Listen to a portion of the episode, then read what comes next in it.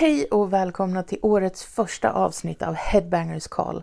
Podden där jag, Pauline Posar, presenterar lite nyheter, lite ny musik och en hel del kul intervjuer.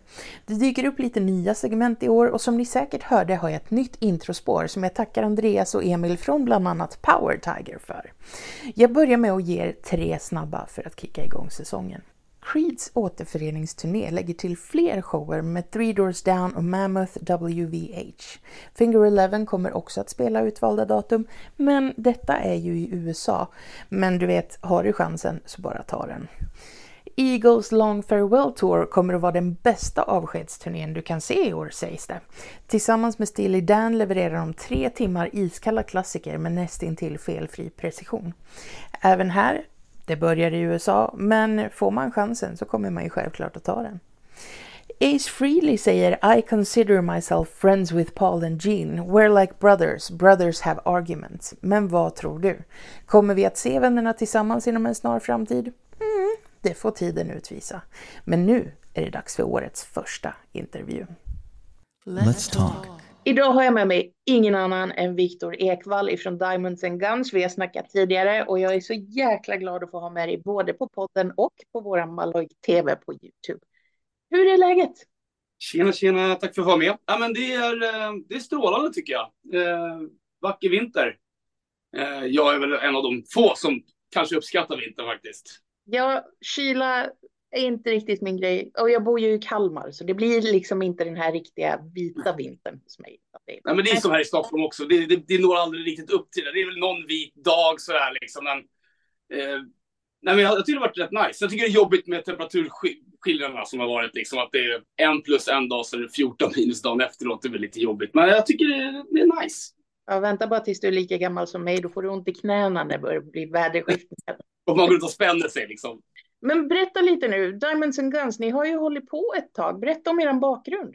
Ja, vi drog väl igång 18 lite på skoj. Jag menar, alla medlemmar hade ju sina projekt och, och, och lite sådär. Alltså, det var ju mer bara en, egentligen en rolig grej från första början. Och eh, det varade så ett tag och eh, sen så det ena ledde till det andra liksom. Och framförallt när Thomas joinade bandet eh, på trummorna så vart det en helt ny eh, orkester och eh, det växlades upp på något sätt. Och eh, vi har ju alltid haft studion här och, och nej men så det, det, växte därefter liksom och sen så helt plötsligt så var Diamanterna liksom allas huvudband plötsligt och vi spelade in då den här EPn så annars har vi bara gjort strölåtar liksom bara för att det har varit kul och tagit strögig för att det har varit kul.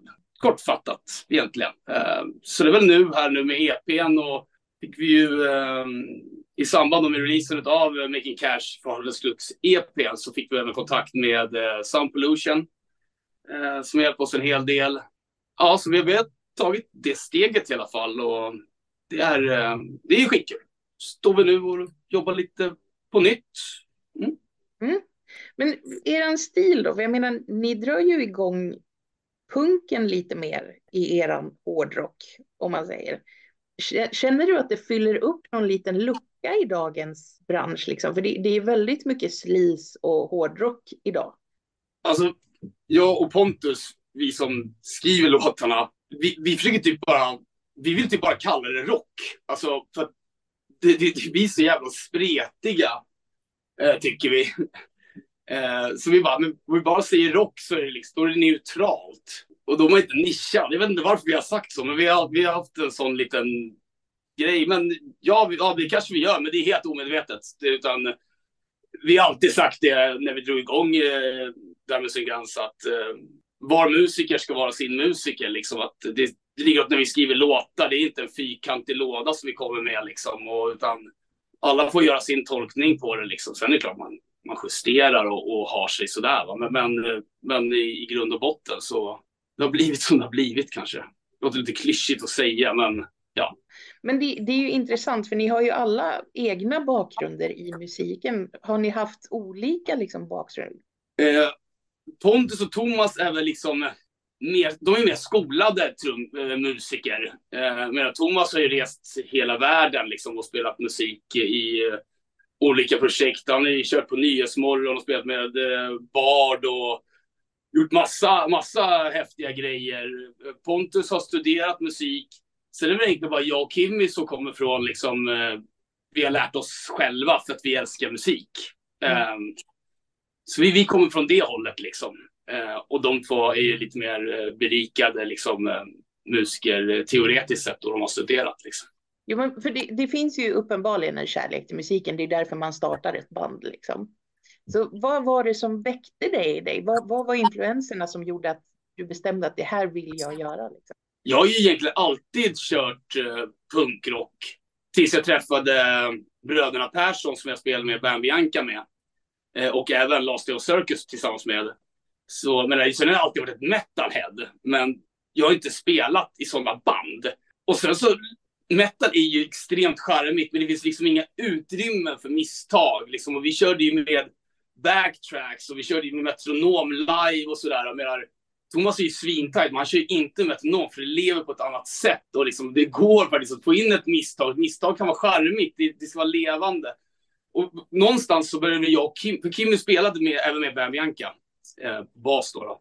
Och eh, någonstans på vägen så började han och jag sakna det lite grann. För det var väldigt så här, ja men man kör metronom och, och, och backtracks, allt måste liksom sitta 110 procent. Det finns inte marginal till något fel. Så vi bara sak, sakna det. Så vi började bara leka. Som, som, du säger, det är bara kärlek till musik. Men det, det är ju fantastiskt, för musiken kan ju verkligen lyfta en om man har en kass dag. Då tar man den där plattan med, med låten som bara, man hoppar i princip runt till det. Ja, verkligen. Vad, vad, har vi att se fram emot då från Diamonds and Guns?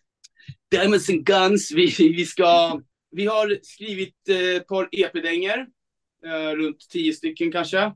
Eh, som vi sitter och plockar ut och lär oss och eh, förbättrar. Och eh, vi ska väl boka förhoppningsvis studiotid här i, ehm, jag hoppas väl vår egentligen. Ja, men så fort som möjligt. Vi har inget riktigt eh, datum. Vi har en dialog med en, eh, en svinbra studio, en av Thomas eh, kontakter och eh, det tror jag kan bli jävligt fett. Vi eh, fortsätter på lite samma sound tänkte jag säga, fast eh, lite mognare. Jag kan tycka lite grann att, missförstå mig rätt, men jag tycker liksom att vissa texter och kanske lite grann i, i Making Cash for Artists Crux kanske är lite barnsliga i fel ord, men det är lite ungdomligare, väldigt catchy och supersnyggt på det sättet. Och det här kanske då är lite mognare det, det, spelar ingen roll, man åldras vare sig man vill eller inte. Så är det ju. Men ja, det här är bara tjabbel, för det är ingen som har hört det som vi har gjort. Men, äh, men det, det, det, känns jättebra och jag tycker de nya låtarna är superstarka. Och vi, det känns som att vi har levlat upp lite grann. Äh, genom med EPn och, och lite sådär. Så det känns som att vi har levlat upp lite grann. Ja, jag får ju helt enkelt hålla koll på när det är inspelat och klart liksom, så att vi kan köra ut det till våran publik. Verkligen. Superkul. Det ska bli skitnice. Det är alltid kul att släppa. Men du är ju engagerad i musik på flera sätt. Du är ju även med och arrangerar Trädgårdsrocken. Just precis. Vad är Trädgårdsrocken för någonting? Eh, Trädgårdsrocken är en gratisfestival i Tungesta, Haninge. Det finns matstånd och, och eh, öltält och allt som en festival ska erbjuda. Det är en dag, det är alltid den andra lördagen i augusti.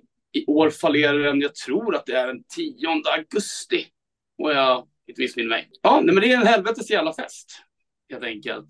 Och um, kör alla, det är inte bara en rockfestival heller ska vi tillägga, så vi försöker väl få ett reggae slash ska-band. Man kanske vill ha något popband. Jag försöker få hit något yngre band. Försöker alltid få hit brudar på scenen. Det viktigaste egentligen, den policy vi har, det är väl att det ska vara ett band. Att det inte liksom är en kanske artist som kommer hit och spelar backtracks liksom, och, och står och dansar till det och mimar. Det, det är inte riktigt vad, det, vad vi är ute efter. Eh, och lite samma sak med coverband också, liksom, att vi försöker supporta liksom, de som faktiskt gör egen musik och de framförallt banden liksom, som har en liten orkester. Liksom. Så, men vi brukar väl ha kanske 5, 2000 personer i parken om det är bra väder. Vi hade Ica Maus som eh, headline här nu efter pandemin, då hade vi publikrekord. Det var knökat i parken. Vi var mellan 3 till 3500 man i parken. Det var helt galet alltså. Svinkul. Men jävlar vad man slita.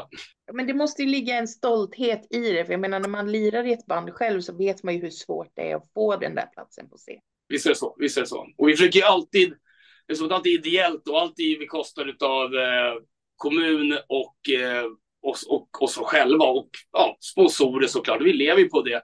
Vi har ju en viss typ av budget så, såklart, för vi vill ju betala ut gager. Men eh, återigen, vi är ideellt. Vi är inte vinstdrivande på det sättet. Men så vi försöker alltid erbjuda.